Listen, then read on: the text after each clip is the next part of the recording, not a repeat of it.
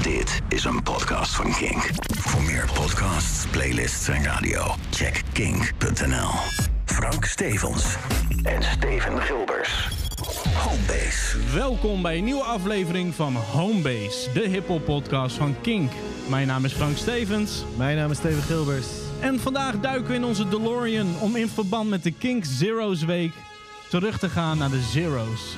Welke muziek luisterden wij? Welke films keken wij? Welke hypes lieten we links liggen? Aan welke hypes deden we vrolijk mee? Wat was de impact die 9-11 had op de muziekindustrie? En wat heeft de Millennium Bug nou echt daadwerkelijk gedaan? Maar voordat we het hierover gaan hebben, Steven, Ja, hoe is het man? Lekker. It's been a while. It has been a while. Yes. We hebben de afgelopen over de, over de 2000s gesproken trouwens. It's been a while. maar hier gaan we het straks wel even over hebben. Ehm, afgelopen tijd heel veel interviews. Ja. Heel veel specials. En, en, en, en de, de, de vorige aflevering was special. Maar de volgende wordt ook weer special. Special. Dus we dachten we maken deze extra special. door gewoon weer eens even een keer met z'n tweeën te zitten. Hoe heet het dan ook alweer als wij met z'n tweeën zitten? Eh, eh, Eh, de Stevens en Steven Show. nou, inderdaad, die shit. Maar Yes. how you doing, buddy? Goed. Hoe gaat het met jou? Ik ga prima. Ja? Ja, ik moet zeggen, zodra het zonnetje weer begint te schijnen, ben ik in een betere mood. Draai ik weer bepaalde muziek. En, en eigenlijk linkt alles, wat ik nu tegen jou zeg, ook naar waar we het over gaan hebben. Oké, leg uit. Want de muziek die ik luister als het zonnetje begint te schijnen, is vooral de niet-hip-hop muziek uit de 2000s. Of Oké. de zeros. Oké. Dus ik ga weer terug naar mijn Deftones, mijn Incubus, mijn Korn, mijn Slipknot, mijn Head PE en mijn Cold Chamber en al die dingen. En dan langzaamaan komt er weer hip-hop bij. Maar het is toch een bepaalde vibe die mij aantrekt op die momenten. Doet het je dan denken aan de zomervakanties of zo in die ik tijd? denk het wel, man. Ik denk dat, eh, eh, nou ja, om maar direct met de deur in huis te vallen. Ik was, eh, nou ja, 2000 werd ik mm, b- b- b- b- b- 14. Dus ja, dat is wel een bepaalde tijd in je leven. Dat je echt gewoon, nou ja, nog volop bezig bent met het ontdekken, Ontdekken van wie je bent en Ja. alles. En, en, en ik had daarvoor een soort geschiedenis met hip-hop. Maar ja, ik werd echt een metalhead rond die tijd. Had je, ging je ook helemaal mee in de fashion en shit? Oh fuck yeah, maar het was ook de era van eh, eh, rap metal, waar we natuurlijk een keer een special over Ja. hebben gedaan. Klopt. Ehm, dus er was altijd wel een soort van balans. Ik bedoel, ik ben weer in de hip-hop. Nee, ik ben weer in de.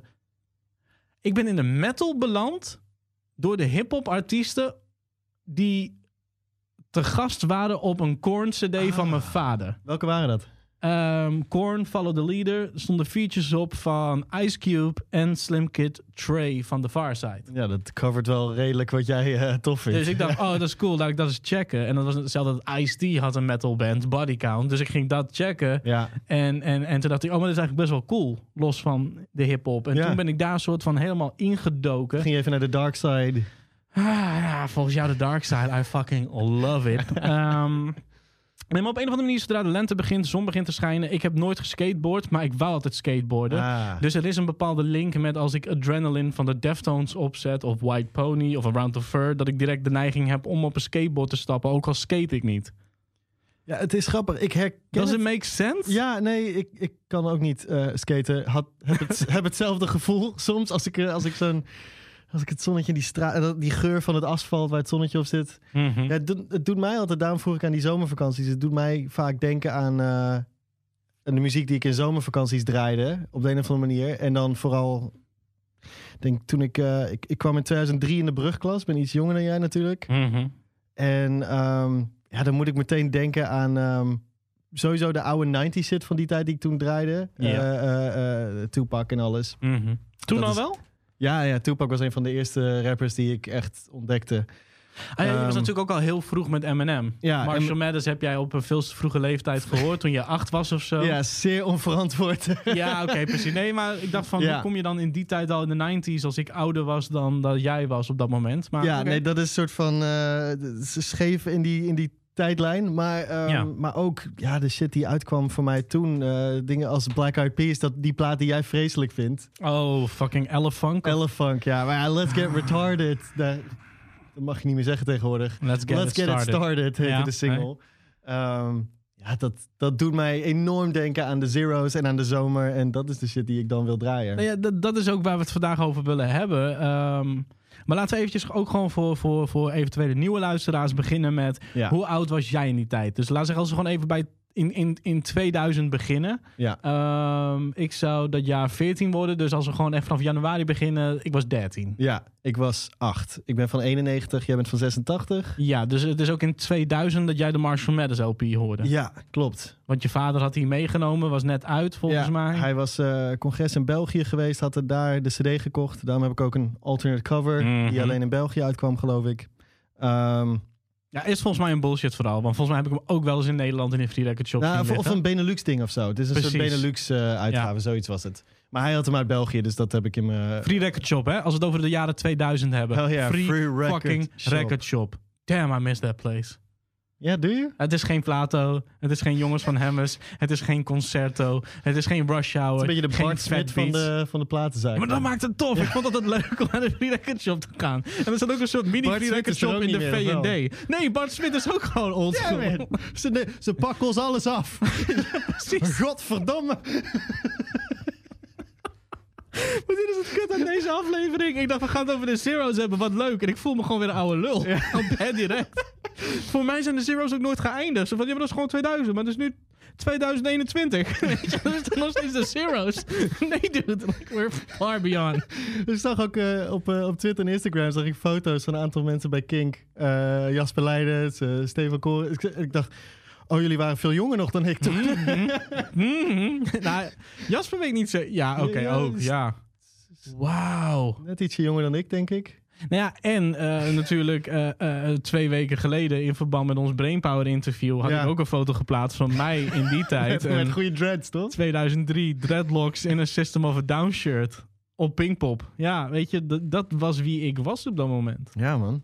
Maar goed, ehm, laat, laten we eventjes een beetje naar, naar, naar... We willen kijken natuurlijk hoe hip-hop is veranderd in die tijd. Maar we willen het ook even hebben over wie wij waren en Ja. wat wij zoal deden. Ehm, toch vind ik het wel even grappig om te beginnen met eh, eh, de Millennium Bug. De, de, de hele Millennium Scare die op dat moment Ja. plaatsvond in de jaren daarvoor. Ja. Kijk, 2000 werd natuurlijk altijd gezien als de toekomst.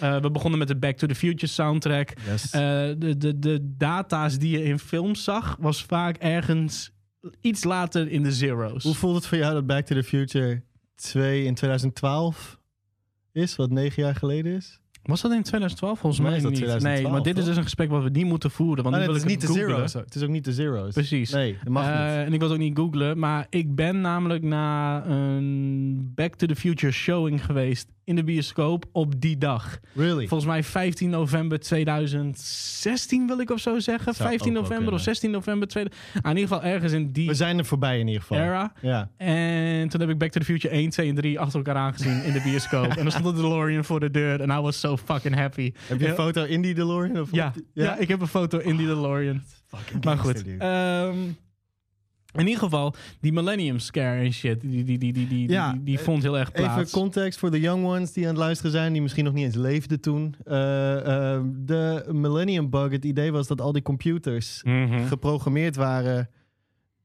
zonder dat mensen nadachten dat we op een gegeven moment in een nieuw millennium zouden komen. Dus dat die Precies. klok dan terug zou schieten naar nul, Ja. omdat je 1999, dat was het laatste, Mhm. eh, en dan schoot hij naar nul. En dan waren mensen bang dat alle banken zouden omvallen. Dat alle soort van elektronische systemen Mhm.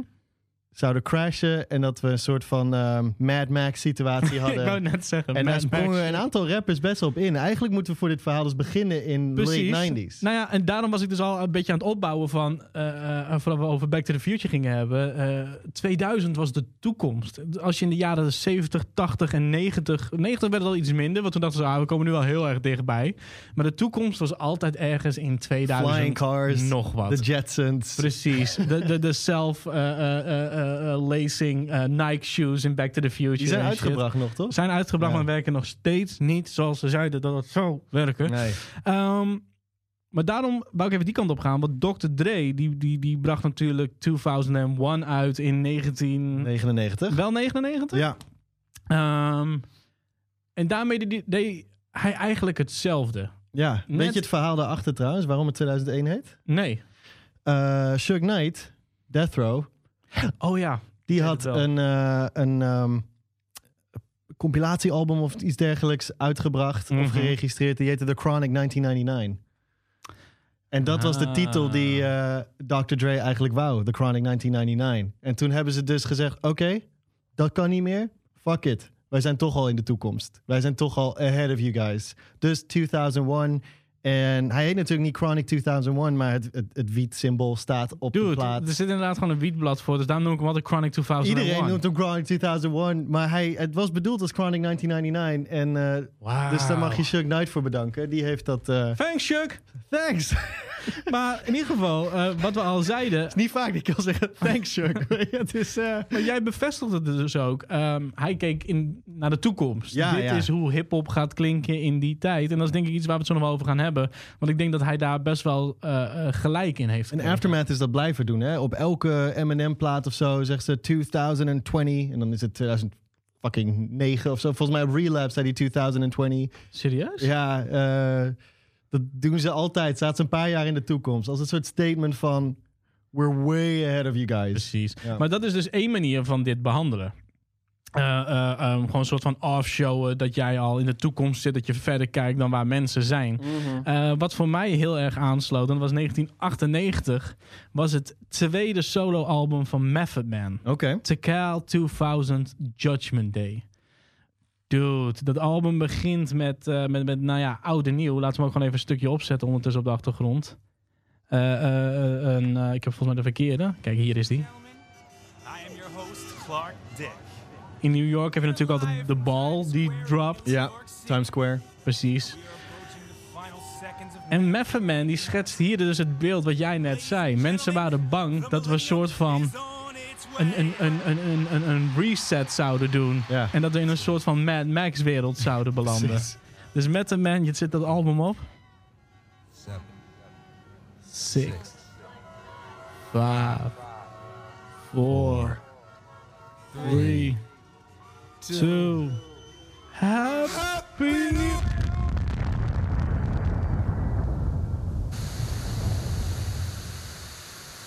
Komt ie. first, First, they dropped the bomb. Then came the disease. Then death. Dude, like, dit was mijn jam in die tijd. 1998. Ik was dus 12 op dat moment. I was playing this shit loud every day. En dus, dus dit gebeurde meer. Want dit deed Buster Rhymes dus ook met Extinction Extinction Level Level, Event. Event. Ging ook over het jaar 2000 komt eraan. En is the end of the world. En wat er daarna gebeurt is nog gekker en shit. Dus er hing ook iets, er zat iets in de lucht in die tijd. Ja. Je keek, ik, ik geloofde er niet in. Ik was niet bang dat de wereld zou vergaan. Maar ergens waren er zoveel films als End of Days en shit. Ja. Die daar ook mee speelden. Dus het, het leefde echt. Hoe heb jij dat ervaren? Was het voor jou ook echt aanwezig in die tijd? Ik was eh, acht. Eh, Ja, dus nog vatbaarder voor die bullshit. ja, inderdaad. Nee, ik vond het wel interessant. Ik weet nog wel dat dat toen in het nieuws was en dat mijn ouders het erover hadden. Zo, zo van, het zal toch niet allemaal... En dan is het een beetje anticlimactisch, hè? Dat dan, precies, Dat is zo van, de ball drops en dat je zo van... Ah, gelukkig nieuwjaar. Ja, Kus geven aan je ouders. Knuffel aan de familie. Handjes schudden. over die, Oliebol vreten. over die ball drop trouwens, hè? Ehm, ik wist dat niet, maar ik zat op een gegeven moment in New York toen nieuwjaar was. Ik dacht, ah, ik wil dat eigenlijk wel meemaken.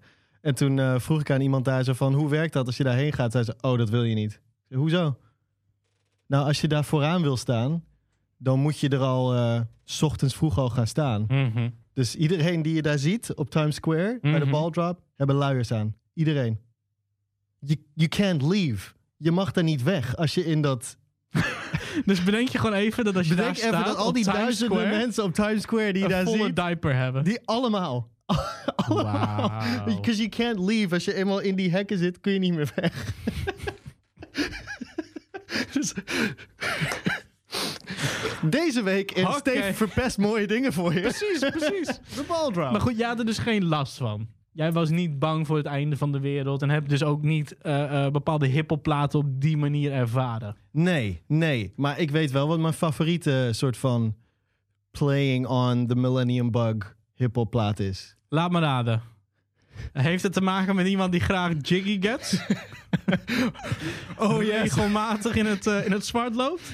Ook wel eens eh, Miami frequent. Oh, Oké, heeft hij ook wel eens eh, eh, iets gedaan in het Wilde Westen? Of het Wilde Wilde? het wilde, wilde. Ja, je, ze noemen hem ook wel de frisse prins. De frisse prins. Oh my god. Heb je nou over Millennium? Hell yeah. Oké, tell me. Laten we dan ook maar direct doorgaan. We hebben Method Man gehad, we hebben Buster Rhymes even gehad. Maar als er één eh, apocalypse is, dan is het wel die plaat Millennium. Nee, maar dit is wel even funny. Hier moeten we het wel over hebben. Jij had... eh, eh, we, we wouden eigenlijk weer een sample special doen. En jij zei van, yo, Ja. laten we Will 2K doen. ja, Will 2K van Will Smith. Want die heeft een sample van The Clash, Rock the Cash Bar. En dat Ja. vinden wij gewoon allebei een lekker nummer. We love that Daar record. hebben we heel veel verhalen over. En daar willen we nog eens een keer iets mee doen. Dus jij dacht, misschien is dit een goed idee. En dude, ik kon me dit nummer niet meer herinneren. Je zei van, ja, maar die heeft die sample van The Clash. Ik En kon ik zei het me zo, niet man, herinneren. het is zijn grootste hit. Dan zei je echt niet, dat is Getting Jiggy. Ik zei, oké, maar dan... Nee, dat is Miami. Ah, oké. Nee, maar dit Het is is dus... zijn vierde grootste hit als... Ja, maar dit is dus een certain change in time. Ehm, Big Willie-style heb ik gehad als kind. Maar ik heb nog steeds, Nog steeds Big. Willie-style. Ja, ik wou maar- net zeggen, hé jongens. Eh, eh, 1997, dat album was de motherfucking shit. Maar in 1999 was ik dus was jij too cool, too cool for school? too cool voor Will Smith. Dus ik heb dat album nooit geluisterd. Dus wij gingen die track opzetten. eh, eh, eh, Will 2K, featuring KC van Casey en Jojo. En ja, ik kon het me niet herinneren, dit nummer.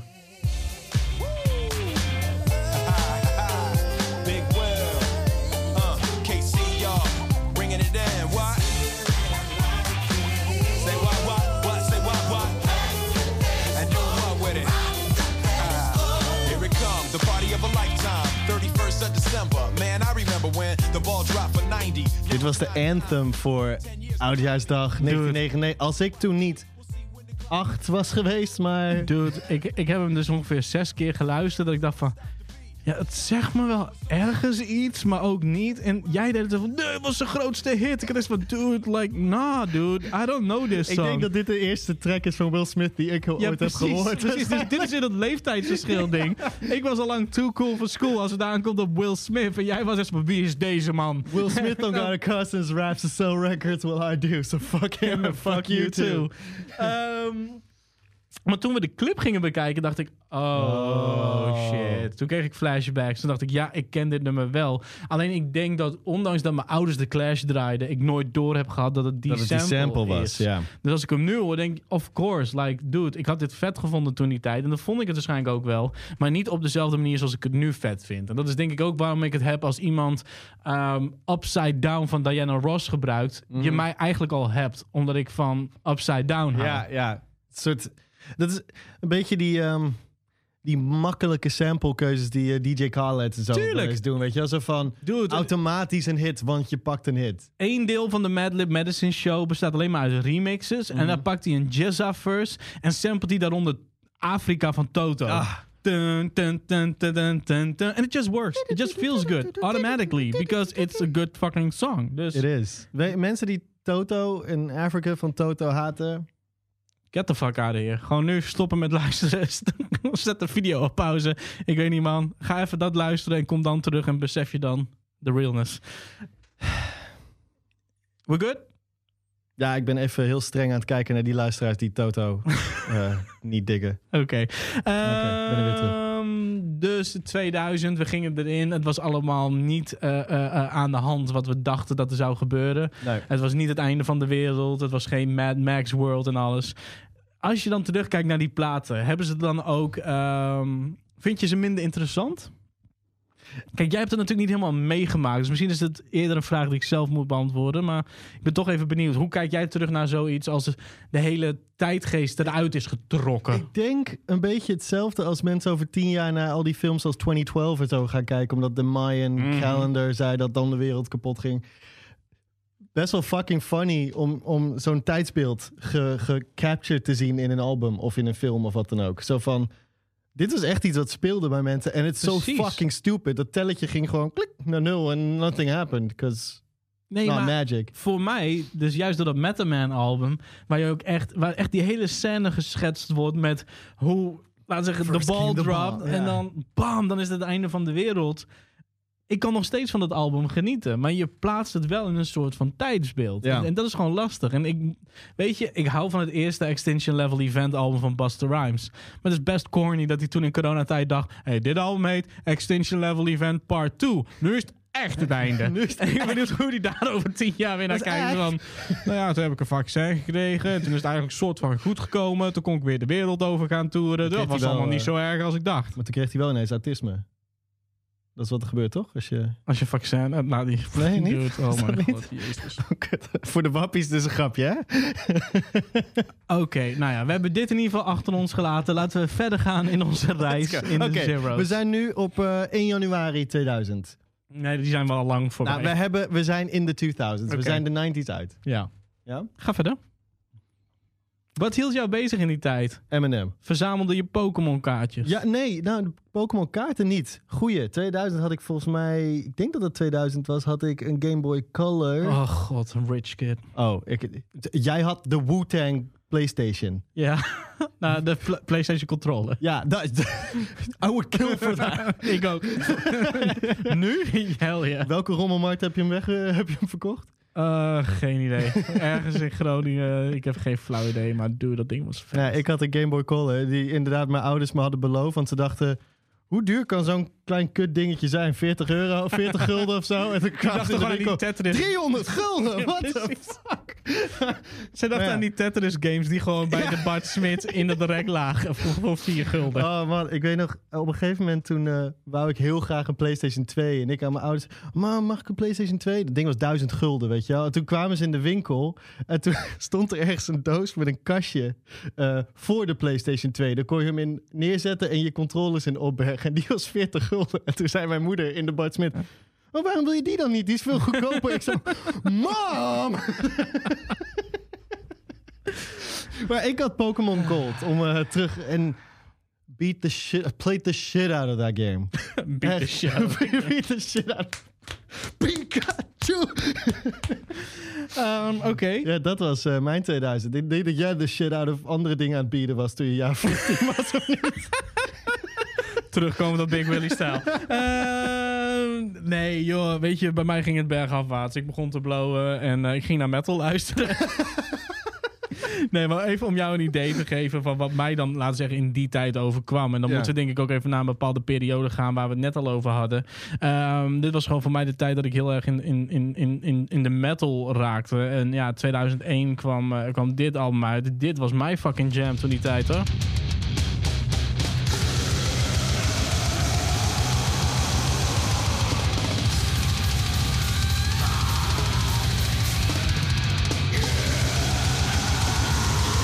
Kunst. Wat zeg je in het begin ook altijd weer? Welkom bij Homebase, de hip-hop podcast van King. Kom op joh. Scratches. Ah, dit, dit stond bij mij gewoon keihard aan. Ik Ja, was ik- even helemaal klaar met hip-hop. En, en, en dit was de fucking shit toen die tijd. Ja, ik, ik snap het wel. Maar het is ook, laten we zeggen, in die tijd een soort van pop geworden. Hè? Ik bedoel, als je TMF aanzet en de box, zag je ook gewoon Korn en Limp Bizkit Ja. en, en Linkin Park later in die tijd natuurlijk. Dat werd op een gegeven moment ook gewoon de norm. En ik heb ouders die natuurlijk al heel veel metal draaiden. Dus ik was ook wel een soort van bekend met het wereldje. Ik bedoel, Korn ontdekte ik voornamelijk door eh, de, de, de cd's in mijn vaders collectie. Ja. Maar ik was een hele andere Frank. Dit, eh Cradle of Filth, vond ik dope. Heb ik je laatst nog laten horen. Laten we maar niet erover hebben wat jij daarvan vond. Maar ik vind dat, ja, ik vond dat op dat moment heel erg geniaal.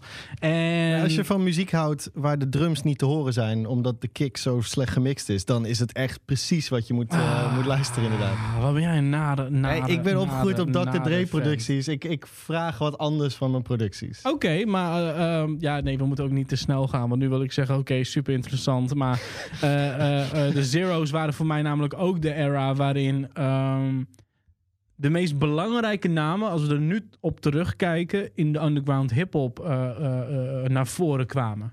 Noem eens een paar. Dude, Def Jux. Mhm. LP, de meeste mensen kennen hem nu Mm. van Run the Jewels. Fantastic Damage is opgenomen rond 2001. Ja. Zijn eerste soloplaat. Had natuurlijk Company Flow al wel gedaan. Maar Def Jux, het label wat hij heeft opgericht, was die era. Ehm, dat heeft uiteindelijk namen als Merce, Ace Rock, Cage, Mr. Liv. Eh, eh, ga zo maar door. Al die namen naar voren geschoven. Ja. Een Rhyme Entertainment van, van, van onder andere opgericht door de mannen van Atmosphere. Is eigenlijk een lane die nog niet er was in de 90s, toch? Nee, en, en een Stone... Nou, volgens mij was Rhyme misschien wel eind jaren 90. Maar laat zeggen, in de zeros werden die namen echt gevestigd. Als je van underground hip-hop hield, dan wa- waren Def Jux, Stones Throw en, en, en Rhyme Sayers toch wel de labels. en als je dan nog denk ik verder wou gaan... Raucus of zo was misschien daarvoor nog. Nou, Raucus is denk ik ook wel een beetje die Late hoor. 90s ook, toch? Late 90s, Ja. early 2000s. Misschien dat zij inderdaad wat meer aan het afbouwen waren in die tijd. Ehm, kan ik niet, heb ik niet echt heel veel herinneringen aan hoe dat precies was. Maar ik weet wel, halverwege de Zero's waren dat wel toch echt de labels voor mij. En ja, wat ik net wou zeggen, nog verder, Anticon Records. Onder andere Soul en eh Dose One en Pedestrian. Like, dat was de shit. Toen ik weer terugkwam in hip-hop. Ehm, en dat is natuurlijk waar we ook een beetje naar op zoek wouden. Hè? Ik bedoel, 2000, als je daaraan denkt, aan die era in hip-hop, dan denk je aan Get Rich or Die Trying van 50 Cent. De Marshall Mathers LP van Eminem. Alsnog, ook al was het dus in 1999 Dr. Dre's 2001. Ja, die, die ging nog wel even door qua Dat heeft allemaal zoveel impact gehad op de, op de, op de pop-hip-hop, laten we zeggen. Op de populaire hip-hop in die tijd. Maar in de underground, dat, dat is iets wat je soms vergeet. Ja. Ja, dat is wat je vergeet, omdat je dat niet zo snel gaat zien op een... ehm, Het, het wordt bijna op dezelfde manier neergezet als de Jiggy-era. ja, Zo van, ah, dat is die tijd in hip-hop dat alles in één keer net iets fancier klonk en er meer synthesizers waren, want we zaten in de 2000s, we zaten in de future, in de toekomst. Hè? En daarom ook het, het thema een beetje vandaag Back to the Future. ja. De 2000s, dat was de toekomst op dat moment. Hè? Dat was gewoon waar we al jaren naar keken, waar ik als kind ook naar keek als ik films checkte en shit. Dat is de toekomst. Het is ook grappig Flying hoe, ehm, cars en shit. als we het over... En nu zaten we er. Weet je, het is ook funny hoe The Matrix, zeg maar, de, de look van The Matrix, van de film is Mhm. 99 natuurlijk. De sequels 2002 en 3, denk ik. Maar Geen idee. eh, early 2000s, die periode. Maar die look daarvan, die, die is gewoon één op één gekopieerd op Millennium. Op die eh albumhoes. De Dr. Dre heeft die kleur schakeren. Like, dat kwam, dat ging ook heel erg door. Dus je zag ook, en dat is een beetje die toch best lame? futuristische... Ja, maar, wat- maar dude, dat is best lame. Want onze computers waren op dat moment al veel verder. En toch was de look eigenlijk gebaseerd op die oude MS-DOS ja, die 80s, hoe, de, ja, hoe het in de 80s eh, gekeken Mhm. werd bijna. Ja. Zwart met 80s, of 90s. grijze of groene lettertjes. Of cijfertjes en lettertjes, weet je wel. Die shit. Dat is eigenlijk waar het soort van bijna op gebaseerd wel was, funny toch? dat Will Smith dat heeft gedaan, aangezien hij de rol van Neo heeft afgewezen. Oh ja, En dan heeft hij vervolgens zijn album dezelfde stijl qua look Gegeven als die als film. die film. waar hij uiteindelijk niet voor heeft gekozen. Die fucking populair Omdat hij ging voor. Wow, West. West. Ja? hij, hij zag de Matrix. Oh my god. Volgens mij staat op YouTube ergens een, een, een storytime met Will Smith... waarin hij vertelt van ja, ik waarom de, dat die eh, Wachowski brothers toen nog... eh, inmiddels sisters, geloof ik. Ja. eh, In ieder geval één. allebei. Allebei. Allebei trans, volgens mij. Lang verhaal. Anyway, dat, hoe ze het hem hadden gepitcht. Zo van, ja, het is iets met computers. En je moet schieten en dan achterover hangen. Wow. En hij zo, ik ga voor Wild Wild West. That seems like a safe bet. Hey, maar had je dan ook... eh, eh, ja, ik, ik moet hier toevallig aan denken... omdat deze cover namelijk ook zwart en groen is. En in 2000 is dit album uitgebracht waar ik het over wil hebben. In de mode van Ronnie Size Represent. Ik kom er nu achter dat mijn muzieksmaak eigenlijk heel erg divers werd in die tijd. Oh, Want ik heb hip-hop nooit aan de kant gezet. Ik was gewoon heel erg in de metal op je dat hebt moment. gewoon dingen toegevoegd. Precies, ik heb dingen toegevoegd. Maar wat ik ook toevoegde in die tijd was dit. En ik wil even gewoon mijn favoriete nummer van dit, eh, van dit album droppen. En dat is, als ik het goed heb, Mexican. Ook dit vond een plekje in mijn eh, discografie in die tijd.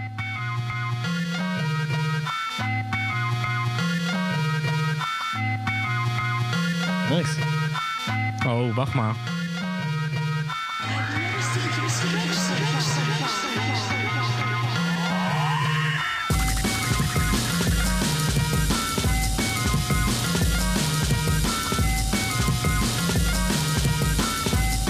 Dit kwam gewoon in die tijd. Ja.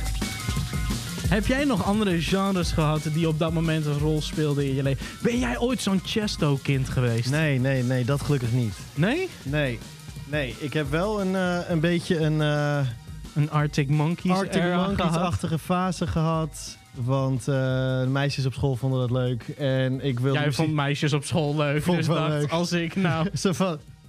Als ik nou... Ja, dat is echt rocket science hoor. Dat, Leg uit. nou ja, kijk, dus je denkt... Nee, nee en eh, Het ik, is al een goed verhaal als je zegt, dus je denkt. Je weet dat uiteindelijk het komt, maar dat, maar dat was niet.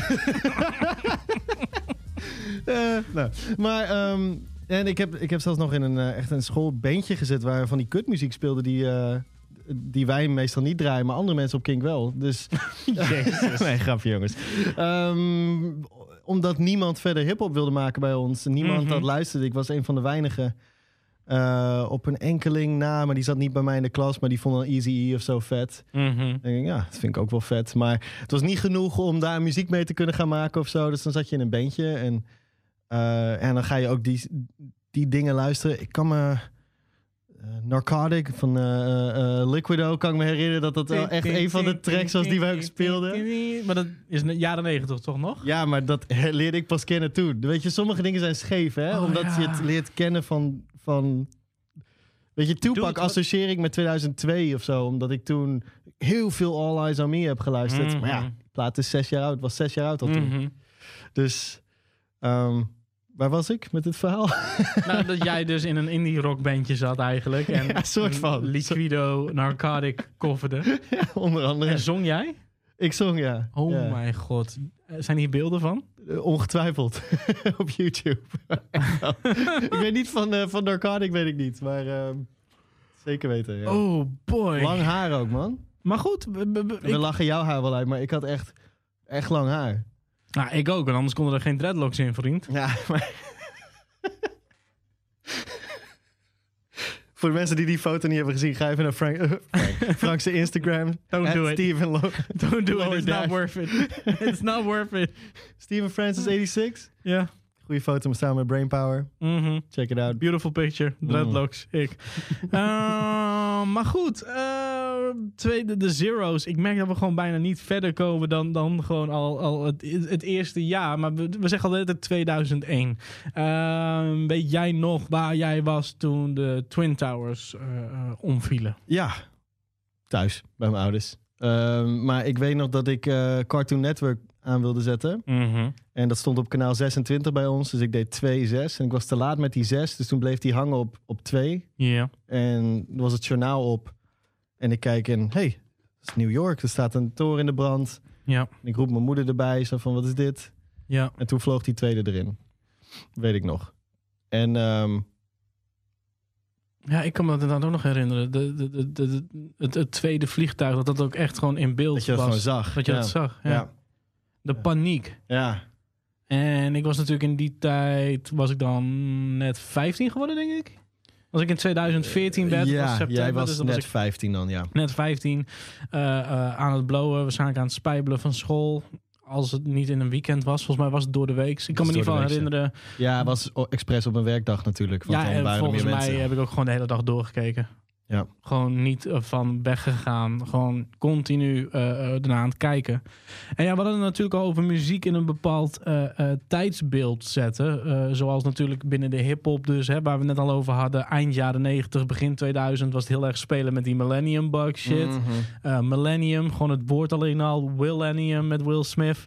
Ehm, hoe kijk jij naar deze era terug en zie jij hier ook bepaalde dingetjes die, die zijn gebeurd? Want nou, ik, ik rock vandaag een Slipknot shirt, want ik was een grote Slipknot fan in die tijd. Mhm. Eh, Iowa, ja zeker. Iowa, hun tweede album. Ehm, ik weet niet zeker hoe het precies zit, welke datum die precies is uitgekomen.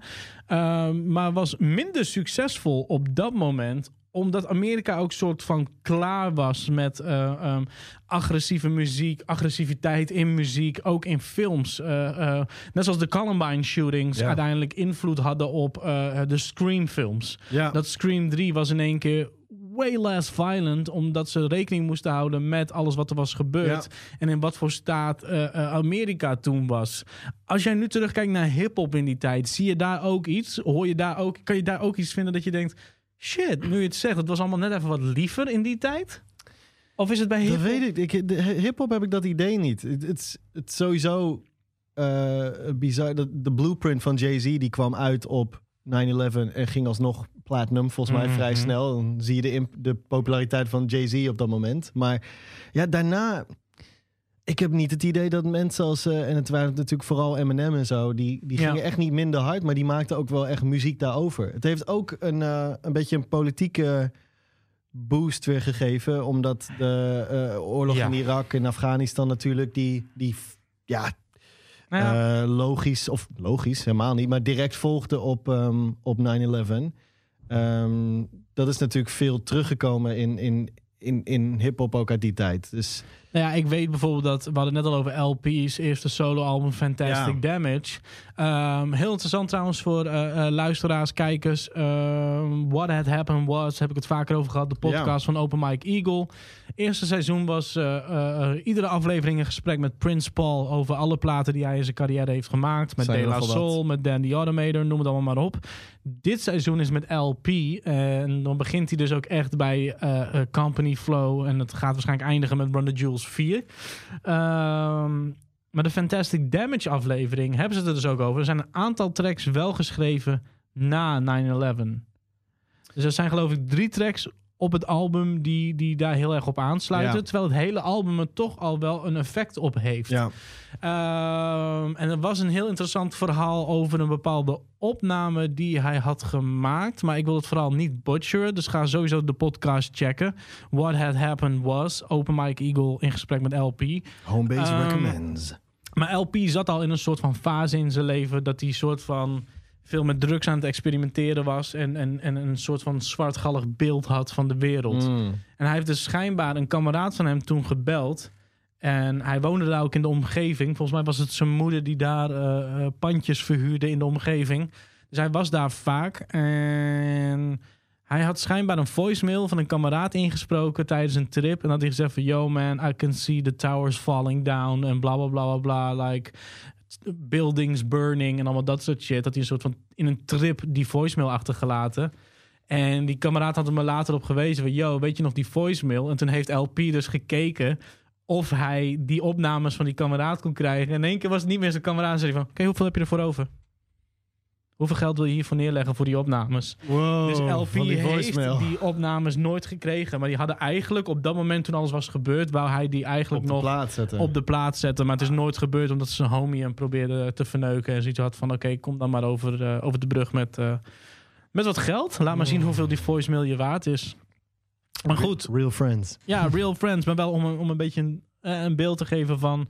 juist die projecten lijken heel... ehm, more powerful in, in, in, in retrospective. Ja, Als je nu bekijkt, denk je, oh shit, like, there's a connection. Terwijl eigenlijk maar drie tracks op die plaat eh, zijn opgenomen in de periode na 9-11. ja. En waar we het dus net over hadden, Slipknot Iowa was ehm, 28 augustus 2001. Ja. Net iets ervoor. En System of a Down's Toxicity, eh het tweede album van System of a Down, 4 september 2001. Ja, En dan moet je bedenken, de eerste single daarvan... een week ervoor. Ja, en de eerste single daarvan was Chop Suey. I Cry When Angels Deserve to Die. Ehm, hier, dit zeg ik heel enthousiast, maar nu in één keer bedenk ik dat ik jou die clip heb laten zien. Jij nog nooit van dit nummer had Nee, gehoord. nee. Dus ik, ik hoopte hier een gesprek te voeren. En jij echt zo te kijken van ik heb geen flauw. Carry on. Chop Suey, dude, wie kent Chop Suey niet? Wake up, grab a brush, put a little makeup.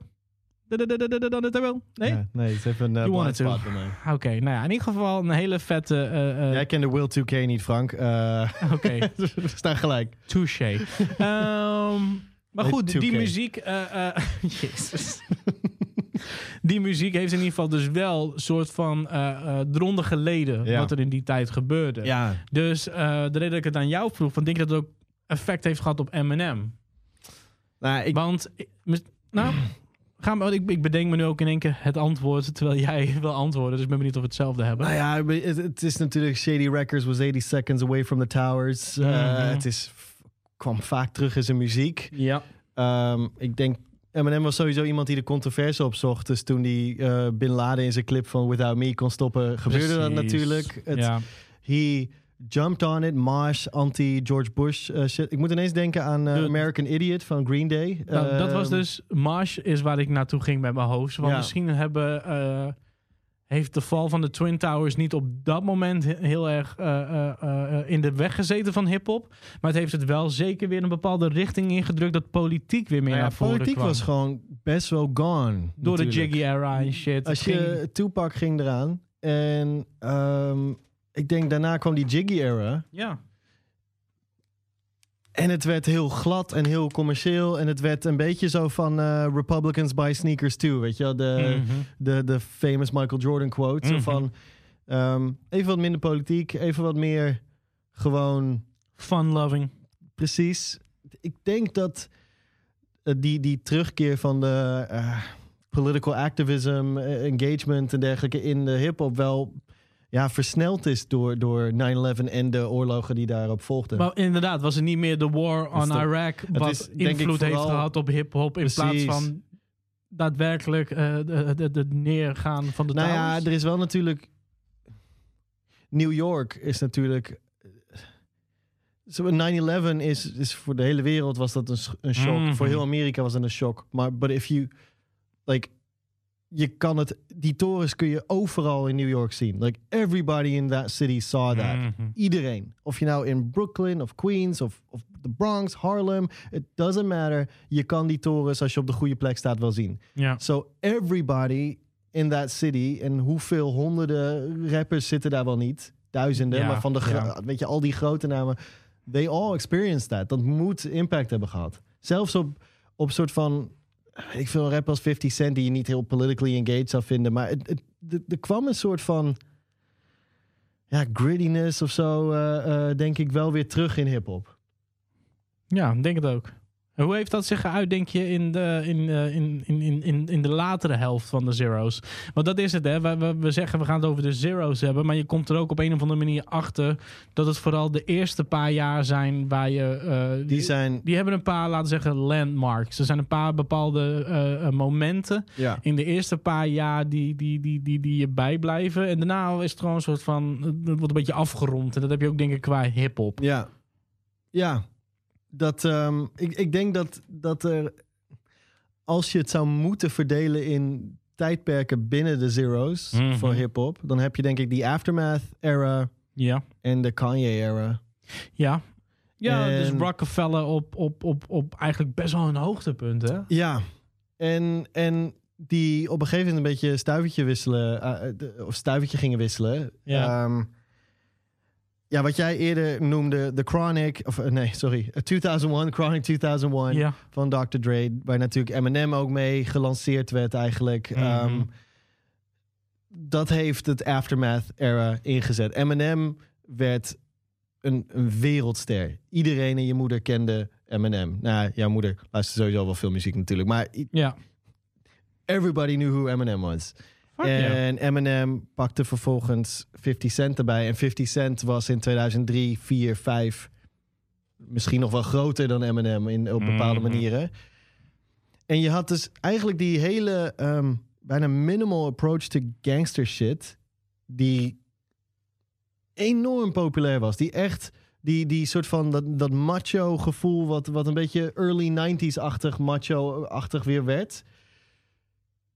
En toen had je ineens een of andere vreemde gast uit Chicago ja. die in een pink polo aankwam zetten. En een vond dat hij. Ja, precies. En vond dat hij eigenlijk eh, beter kon rappen dan al die anderen. Terwijl iedereen dacht dat het een producer was. Ja, dat is Kanye. ja, En, maar... en, en dat heeft weer. Dat, dat heeft eigenlijk die, die Aftermath-era een beetje afgerond. Want toen Graduation kwam, was er een. ehm, dat is 2007 hebben we het nu over. Mhm. Dan had je tegelijkertijd volgens mij Curtis van 50 Cent. Dat album kwam op dezelfde dag. Volgens mij zelfs 11 september 2007 uit mijn hoofd. Kwam Curtis en eh, Graduation kwamen tegelijkertijd uit. En 50 Cent zei, nou, fuck it. Als Kanye meer verkoopt dan ik, dan stop ik. En Kanye verkocht 1,1 miljoen of zoiets. Of een, ging platinum in een week. En 50 Cent haalde 700.000. En toen was het echt zo van, oh, something's changed. Weet je, dat was ondenkbaar een paar jaar eerder. Ja, ja. ja ik, ik, ik denk vooral dat die era... Ik, ik ben ondertussen ook eventjes aan het kijken op de Mhm. iPad... naar, ehm, de zeros, wat er allemaal in die tijd eh, is gebeurd. En, en ik, ik, ik was even wat trends aan het opzoeken... dat je denkt, oh shit. Like, het was echt een verschrikkelijke periode. Ehm, maar 2004, dat, dat, dat weet ik ook wel uit mijn hoofd. Mad Villain, Madlib en Doom. Ja, ja, dan hebben we het eigenlijk 2007. over een hele andere lane. Hè? Ja, precies. 2007, Blue and Exile, Below Ja. the Heavens. Wat ik Ja. al eerder zei. De Zero's zijn misschien wel... En dit is mijn mening, hè. Dus ik zeg niet dat dit feitelijk waar is. Maar ik denk dat de Zero's heel belangrijk zijn geweest voor de underground hip-hop. Ja, En niet zozeer het vast blijven hangen aan de 90s. eh, het boom bap geluid willen brengen. Maar juist het verder trekken naar, naar een soort nieuwere sound. Ik denk dat daarvoor die tweede helft van de Zero's ongeveer heel relevant is geweest. En daarom noem ik ook altijd Rhymesayers Entertainment, Def Jux en Stones Throw en dus Anticon voor gewoon taking the genre further than it already was. ja. Gewoon experimenteler gaan. Gekke dingetjes doen. Maar ook nog steeds wel spelen met het oldschool gevoel. It's funny, want je hebt, het is bijna, wordt hip-hop wordt gewoon echt schizofreen in die tijd. Je hebt gewoon, Mm. je, hebt, je hebt de mainstream hip-hop yeah. waar we het net over hadden. En inderdaad de meer underground sound. Maar waarbij in de mainstream... Dude, rap rock, Limp Bizkit, oh ja, Linkin Park, Linkin weet je wel. Jesus, daar heb ik ook En al die shit werd, werd door een soort van de hip-hop heads neergezet als van, oh mijn god, daar gaan we weer. Vanilla Ice all over again. Sterker nog, daar hebben we toen ook over gehad in die rap metal episodes. Vanilla Ice ging toen die tijd ook rap metal, omdat hij dacht, hey, weet je wat? Als dit het niveau van rappers is in die shit, I can do this. I can do this way better. Even I can do this. Ja, precies. En nou, ik denk dat Vanilla Ice wel beter rapte dan Fred Durst. Maar alsnog vind ik Limp Bizkit de motherfucking shit. I love that shit. Ik kan nog steeds genieten van fucking Limp Bizkit. En dat is omdat Wes Borland... Ik ga het hier zeggen in een hiphop podcast, want hier neemt niemand me kwalijk. Wes Borland van Limp Bizkit is misschien wel mijn favoriete rockgitarist aller tijden. Wat die doet allemaal kan. En D zorgde eigenlijk... Ik denk dat Wes Borland Limp Bizkit droeg. I said it. He said it. Here, first, Homebase, hip-hop podcast. Kink. Nee, maar goed, Stevens. Dat schizofrene was er inderdaad zeker aan Maar het is grappig, want je ziet het dus... Wat we nog niet hebben genoemd, maar de 2000s was natuurlijk devastating voor de music business. Mhm. Want Napster. Oh, fucking Napster en shit, LimeWire. Fucking LimeWire. Kazaa. Kazaa. De hele muziekindustrie viel om. En je had bepaalde artiesten die daar keihard tegen Metallica, ingingen. Metallica, die mensen... Metallica en... ehm, Eh, ehm, was het eh, Metallica? Metallica. Ja. Ehm, nou, maar ik kan me zelfs herinneren... dat Mijn vader had op een gegeven moment een, een Chili Peppers cd gekocht. En die kon je niet op de, op de computer draaien. Want Ja. je, mocht hem niet, je kon hem niet rippen. Dude, dus je kon ja. hem niet godverdomme niet draaien op je computer. Oh, dude, ja. Wacht even, ik moet hem nu direct bijpakken. Volgens mij heb ik... vier of zo? Ja, volgens mij heb ik dit met Deftones White Pony. Als we het toch hebben over mijn metal era en shit. Wanneer kwam White Pony uit van Deftones? Het is hun derde album. bu- bu- bu- bu- 2000. Ja. Dude, ik heb een copy van White Pony. En ik rip al mijn cd's. Ja. Zodat ik het op mijn telefoon kan zetten. Of toen die tijd op mijn mp3-speler. Die eerste track van White Pony op de laptop gaat... tik, tik, tik, tik, tik, Ja. tik, tik, die loopt vast. kan en het die gewoon niet. erover. die doet het niet. They fucked us. De rest van het album is goed. Ja. Kan je wel gewoon Oh, really? want- Maar de eerste track was gewoon... En dat was Ja. dus waarschijnlijk een soort van copy protected. Ja, Want we hebben het over de Zero's. CD's branden. Ja, cd's branden. Mensen kregen branden. Ze, ze kregen eh, pc's thuis, branders en eh, peer-to-peer shit op, op internet. eh, ehm, kijk, nu hebben we nog torrents en dat wordt al steeds minder door, door de streamingdiensten en dergelijke. Maar in die tijd was het, was piracy was echt insane. Ehm, en wat de, wat de muziekindustrie de, de, een beetje gered heeft toen, was ringtone rap. Oh mijn En- god. en- dude, en- de ringtone fucking era. Ja, en ehm, artiesten als Soldier Boy, Tell Him, die, die inspeelden op die soort van Kazaa LimeWire shit. Door op die platformen ehm, hun eigen muziek te zetten. En dan te zeggen dat het 50 Cent in de club was of zoiets. Mhm. Mensen gingen dat downloaden, klikten het aan. Dan ze, "Ja, godverdomme, dat is niet... eh, dat is geen 50 Cent. En dan van... Ah. En dat is hoe hij het daadwerkelijk gered heeft. Waardoor hij heel populair werd. Door gewoon te fucking catfishen op, op eh Kazaa. Like that kind of shit. Dat was zo'n weird Wild Wild West era. Niet de Will Smith. Maar het was echt de Wild West van... ehm, van, van de music business. Want wa- het ging, en, en ze moesten iets zoeken. Dus je ging steeds minder naar artistiek interessante shit. Je ging naar shit die werkte voor een ringtone. Dus de, de hooks werden veel belangrijker. Ehm, Ja, maar, dat, maar dat is inderdaad waar. Want je had maar die paar niet in de seconden had underground. je. Je had een paar seconden voor je ringtone, dus daar moest het in, in passen. En omdat het niet in de underground het geval was, was daar meer ruimte voor creativiteit. Precies, en dus, dus de groeien. artiesten die misschien normaal gesproken in de 90s wel redelijk mainstream hadden kunnen gaan, omdat ze Mhm. wilden experimenteren, werden eigenlijk nu gedwongen in de underground scene, waardoor die underground scene denk ik ook opgebloeid is, omdat er veel meer mensen dachten, ja fuck, ik wil ook wel muziek die langer interessant is dan een ringtone. Ja, En eh, ik, ik, hey, ik, ik gooi het hier gewoon op tafel. Hè, maar ik denk dat het een enorme rol heeft gespeeld in, in die ontwikkeling van, van twee verschillende stromingen. Waardoor je op heel schizofreen werd. Shit, daar heb ik nog, nog nooit zo naar gekeken. Dus het is wel weer een interessant iets wat, eh, wat zo naar voren komt. Ja, Eh, eh, ja, even iets anders. Ik bedoel, vorige week hadden we Brainpower te gast en toen hadden we het over films. en wat, wat voor rol films spelen in zijn, in zijn manier van, van albums maken Ja. en zijn hele leven. Heb je deze nog niet, nog niet gecheckt, deze aflevering? Ga dan checken. Ons gesprek met Brainpower. It's a good Is one. Zeker de moeite waard. Mhm. Ehm, maar daarin kwam ook al naar voren, ik ben een enorme filmliefhebber. En als we dan over de Zero's hebben, wil ik het er hier toch over hebben. Als ik de informatie goed voor me heb, en ik denk dat dit wel enigszins klopt, 2003, de dvd's. DVD's waren nog, nog eerder hoor. Hier staat 2003 Want het DVD... was het nog in een strijd. Maar jij gaat zeggen eenmaal. Nou, ja, eenmaal altijd als een soort van... nou, eh, de PlayStation 2 weet ik dat hij een DVD-speler erin had. Toen, dat die kwam uit in 2000 uit mijn hoofd. ah, dan gaan we het ook opzoeken. maar ook. toen- dat is natuurlijk wel dat het nog niet heel populair was. Want dan had bijna nog niemand het. Nee, want ik wil net zeggen, eh, volgens mij is de eerste Harry Potter film een van de laatste films die in Nederland op videoband is uitgebracht. Ja, en dat is 2001. Ja, kijk, het is namelijk in 1990 al ontwikkeld, de DVD. Ja. Maar wanneer is de DVD echt na, na, na, na Ja, de DVD kwam echt flink in de early 2000s. Was dat enorm. Precies, dus ik vind dat we het hier gewoon over mogen hebben. Vind ik ook. Ik hou gewoon van videobanden. Ik heb er nog videobanden in huis, een Ja. heleboel. En ik hou van het oude effect, maar dat was dus wederom een soort, een soort stukje toekomst. Ja.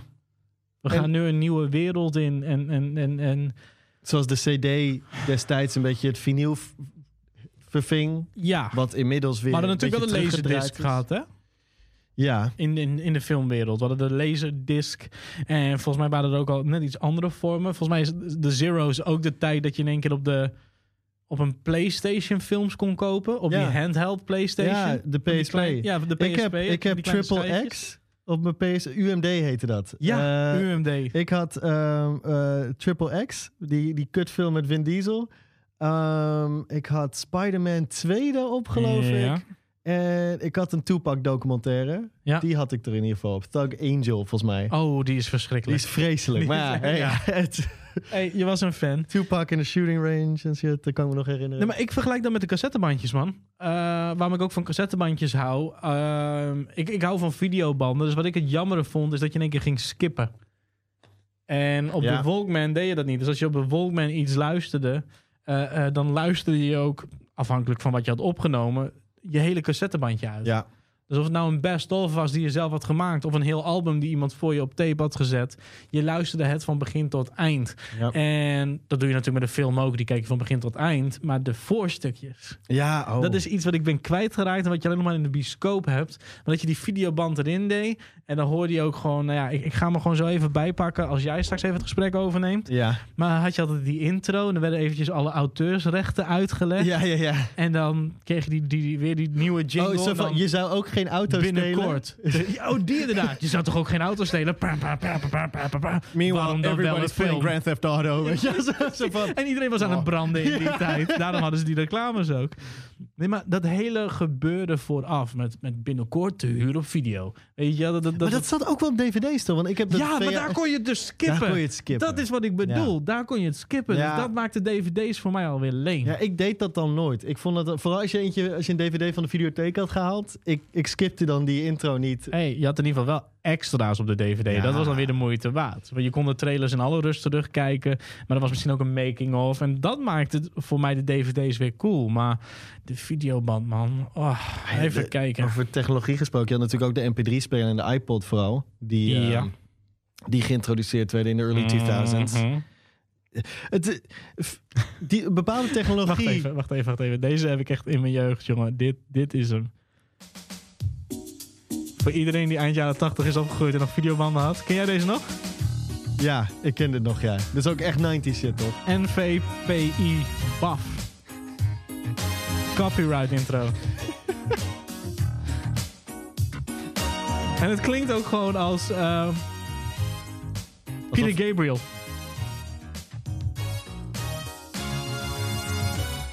Vind je niet? Ja. Sledgehammer! Het is gejat van Sledgehammer. ja. Nee, maar kom op man. Dat, dat, dat gevoel. Dat, dat, dat, dat, dat... Je merkt ook dat het gewoon echt een transition was, de Zero's. Het is echt gewoon het moment dat bepaalde dingen die je gewend was op een bepaalde manier te doen, eh, veranderden.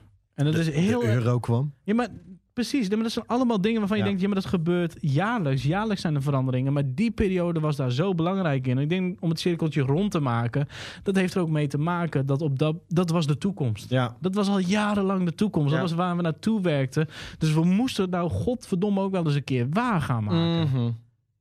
Ja. En dat is denk ik wat daar een soort van rol in speelde. Dat we in één keer de cellphones kregen, de Nokia's. Ja, en wat dacht die je gewoon tegen de muur aan kon gooien. Ja, de 3310.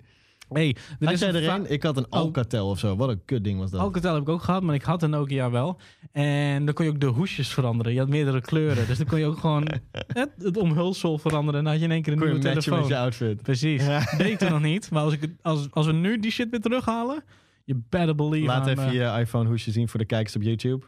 Ja, die is dus rood. En die matcht dus met, met zijn rode Air Force Ones. Rood-witte. En met zijn Slipknot shirt. Kijk. Toevallig ook met mijn rood-witte Jordans. Nou, Het is alsof we het bedacht hebben. En mocht je nou heel nieuwsgierig zijn als luisteraar, check ons dus ook op YouTube. Want Ja. daar zijn we tegenwoordig te vinden. Hoe 2000s is dat? Hoe zeros is dat? Hoe futuristic is dat? dat je dus deze podcast tegenwoordig ook in videovorm kan Ja. kijken. Dus de podcast, is die ook uit de Zero's? Volgens mij is dat Zero's, toch? Oh mijn god. Joe Rogan is al 12 jaar bezig, geloof ik. Late zeros. Uh, nou ja, de, de, de, de iPod. Ja, daarom heet het Adam podcast Curry. natuurlijk. Ja. Adam Curry maakte daar een soort van de eerste radioshows voor die exclusief eh, te luisteren waren. Op de iPod. En dat was de podcast. Even kijken. Wanneer is de podcast ontstaan en hoe oud is de podcast? Ik doe een gokje, 2007 is mijn gokje. 2005. Kut. De Daily Source Code met regelmatig nieuwe afleveringen tot februari 2009. Oké, tot. Dus dan moeten we even kijken wanneer die echt is begonnen daarmee. Dit is altijd zo jammer. Kan je, dit is dus het moment. Dit is waarom ik een co-host heb, Steven. Ja, maar je- Vul de tijd op. ja, weet je... ehm, Doe iets. Ja, voor de luisteraars trouwens, even en de kijkers. Stel, je checkt onze podcast altijd. Ben je ervan op de hoogte dat we ook een wekelijkse radioshow hebben op Kink Indie? Kijk. Die kun je checken op dinsdagavond tussen 9 en 10. Frank en ik draaien daar altijd de nieuwste hip-hop, de allerbeste nieuwe alternative hip-hop tracks, soms ook niet alternative. Whatever we feel like playing. En eh, we geven ook altijd bloemen weg aan een artiest die ze nog kan ruiken. En dat zijn vaak Mm. artiesten waar wij heel veel waardering voor hebben. Ja. Vorige Afgelopen week eh, de Fat Windjacks. Windjacks. Als je het allemaal nog niet hebt gecheckt. Hommage. Ga hem checken. Hele, hele sterke plaat. Maar goed, check dat op Kink Indie tussen 9 en 10. En eh, de muziek die we daarin draaien, die vind je ook altijd terug in de playlist. De Kink Mhm. Homebase playlist, die je onder andere op Spotify kan vinden. Maar natuurlijk ook op de Kink app, Ja. kink.nl, Ja. eh, YouTube. Ja. Weet je, check dat. Daar hoor je gewoon 30 nieuwe tracks. Gewoon de crème de la crème van de hip-hop anno 2021 van die week. In de tussentijd eh, heb ik eigenlijk eh, nog steeds niet een, eh, een antwoord gevonden. Goed, wat hebben we nog meer? Homebase heeft ook events. Nee, als we weer open gaan. Podcasting, previously known as audio blogging, has its roots dating back to the 90 1980s. Uh, Ja, maar heeft nog geen podcast. Nee, maar weet je wel, met het internet en de iPod, podcasting began to catch hold in late 2004. Ja, ja, late 2004. Maar ja, het internet überhaupt is wat de 2000 zo anders maakt dan de 90s, denk ik. Ja, maar ik denk dat dat dus ook weer een van die dingen is waarom je naar eh, eh, de, de zeros kijkt als heel veel mijlpalen. Heb jij nog naar chickies heel gehandeld op veel MSN of niet? Nog één keer je vraag. Heb je, heb je chicks proberen te versieren op eh, MSN? Of Oh, fuck ja. en Hives? Je Hives Heb je wat niet. krabbeltjes achtergelaten? Ik heb nooit een Hives pagina gehad. Ja. Ik was denk ik een hipster. Boomer. Eh, volgens mij had je wel CU2. en dat was, daar kon je een profiel maken. En, en, en, en, en daar heb ik wel echt mensen leren kennen. Ja, see you too. Holy shit. Ik open het hier, ik, ik google het en ik zie weer gewoon alle Bestaat je beelden. pagina nog? Nou, ik denk niet. Maar die shit was all juggaloed out. Dat was echt Ja? gewoon alleen maar foto's van de Insane Clown Posse. En, en, en, en, en Korn en, en Twisted en shit. Dat was een beetje nu metal en hip-hop. Er was vast wel ergens een Wu-Tang emblem te vinden. Volgens mij was mijn naam op CU2 ook echt iets van Dutch Juggalo, nog wat, nog wat. 1986 waarschijnlijk. Dude, I was all up in that Had je, shit. had je een MySpace? Hell yeah dat ik een MySpace had. Mhm. En dat- was dat, was dat iets, stelde het iets voor of niet? Nee. nee, maar ik heb denk ik wel wat beats daarop uitgebracht. Nou, het is wel die tijd. 2003 was ik nog aan het rappen. 2006 begon ik met beats maken, denk ik. Ja. Damn. Een hele vreemde Ik tijd. begon ook te rappen in 2003, volgens mij. Dus het was niet geweldig. ik kan het zeggen, is nog steeds niet. Maar... Hebben we nog bepaalde dingen die we willen bespreken? Ik bedoel... eh, games. Speelde jij veel games in die tijd? Dude, weet je, er is maar één game waar ik mijn hart aan heb verkocht. Prince of Persia op Windows 95 op de computer van mijn opa en oma. Of Lemmings. Lemmings. Dude, die games, maar dat is min 90 shit. Maar die shit heb ik echt gespeeld? Nee, Worms vond ik alweer eh, niet zozeer de moeite waard. Mm. Eh, maar natuurlijk de eerste PlayStation speelde ik Driver op. Toch wel een soort van de, de, de, de original Grand Theft Auto Ja. Driver. Ja. Ehm, Nou, volgens mij is GTA 1 daadwerkelijk ouder dan Dude, Driver. heb ik- maar- Geen moer mee te maken. De eerste PlayStation, Driver, fucking vet. Cool Borders, snowboard games, vond ik heel dope. Oh, SSX Tricky speelde ik. Die had die eh ik had. Cool Borders, man. Ja, maar SSX Tricky had als theme song eh, It's Tricky van Run DMC. Dat was echt de shit. En toen gooide ik dat schijfje in mijn PlayStation 2. En ineens kwamen eh, mijn ouders, die hoorden dat en zeiden... hey, dit hebben wij in de platenkast staan. Bleek dat ze Raising Hell hadden. Het was wel weer een bonding momentje met mijn ouders. Wauw, wat geweldig. Ja. Heel fijn om te horen dit, Mhm. Steven. Ja, daar kwamen twee generaties toch weer samen. En het kan gewoon binnen hip-hop en eh, binnen de Zero's. Dat is hoe hip-hop en gaming ons samenbrengt. Kijk, Eh, Tomb Raider. Tomb Raider.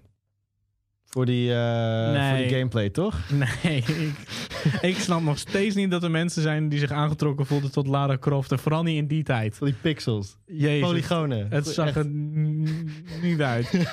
en wat een boring ass game ook. Maar het was wel een big fucking succes. Kijk, Ja. ik heb altijd een zwak gehad voor Mario en shit. Ik was meer dus van de jaren 80, jaren 90 games. Meer en Nintendo ook?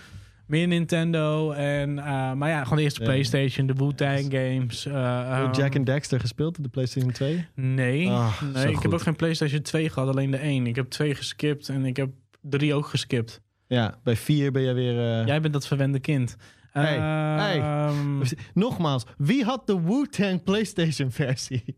Controller.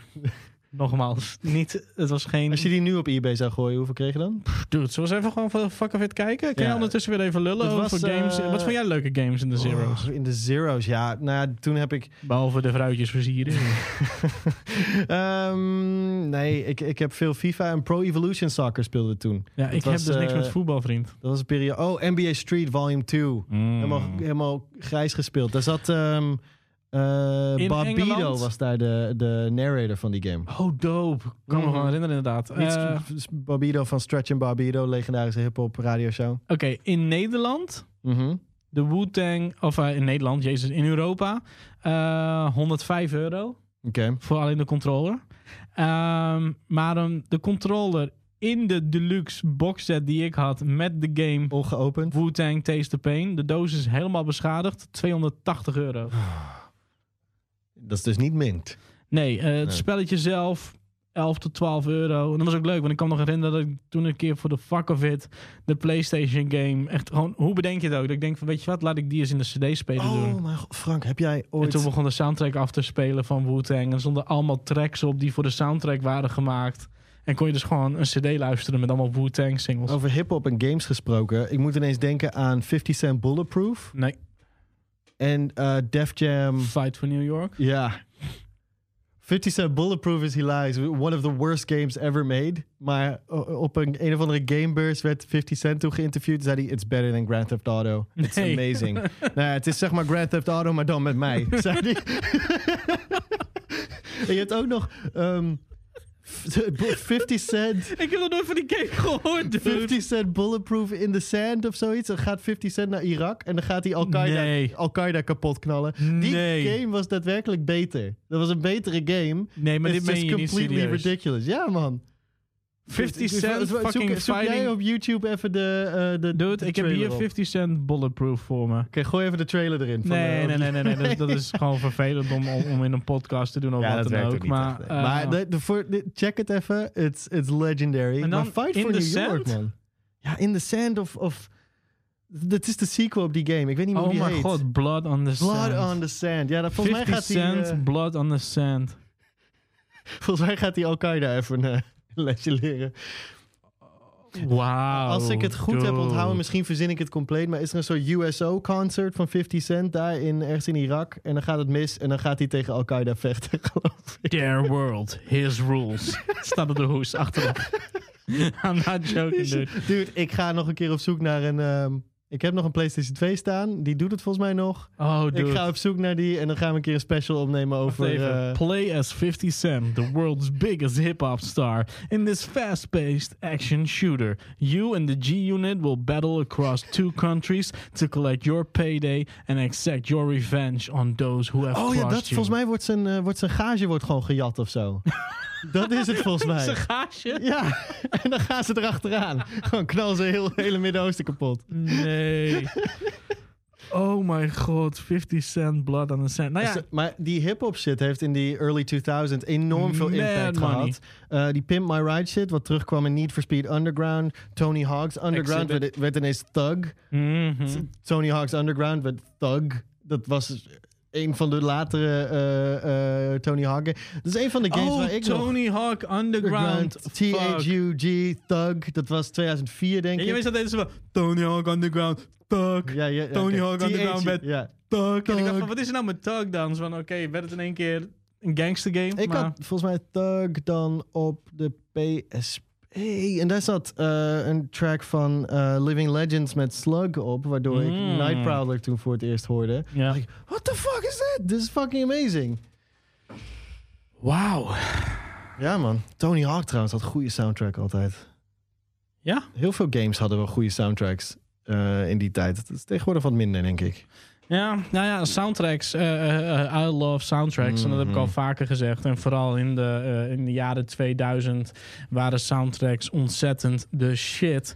Ehm, ik weet niet zeker of het wel een 2000 plaat of film is. Laten we even kijken. Volgens mij is het nog eind jaren 90.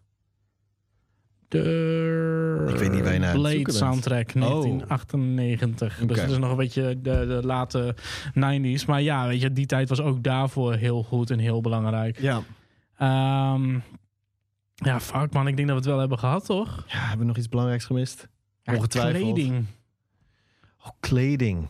Ja, Ja, ja, jij was al echt Dude, hard in de puberteit natuurlijk de, de Rockaware polo's. Rood-wit Oh, ik heb dat- gestreepte Rockaware polo's. Ik had Fat Farm schoenen. Ik heb die erg gemist, man. Ik had Sean Combs pants, denk ik. Sean John, toch? Sean Ja. Johns, Sean Puffy Combs, Ja, Sean ja. Johns, ja. Schijnt nu trouwens weer terug te zijn. Ik las een, eh, eh, Ik zag een, het in een bericht ergens. Zo, ja, maar ik las ook ergens van Sean Johns is back. En zo, oh buddy, was maar weggebleven.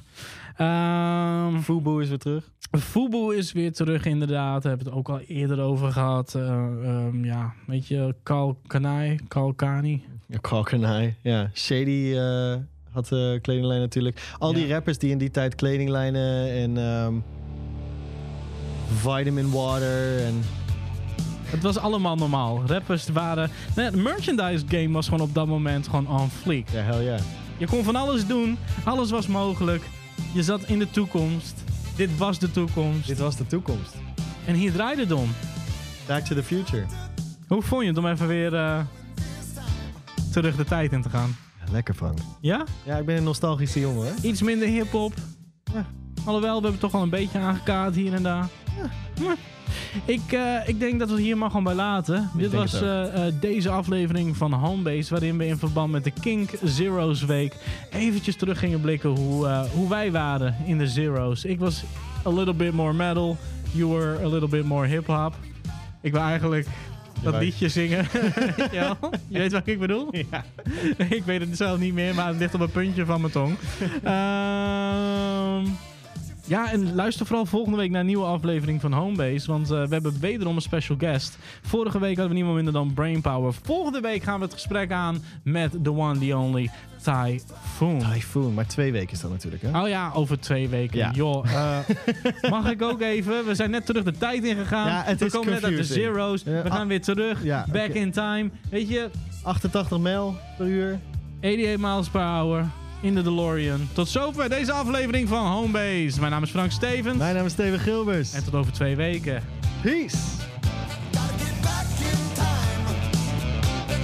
Gotta get back in time. Get me back in time.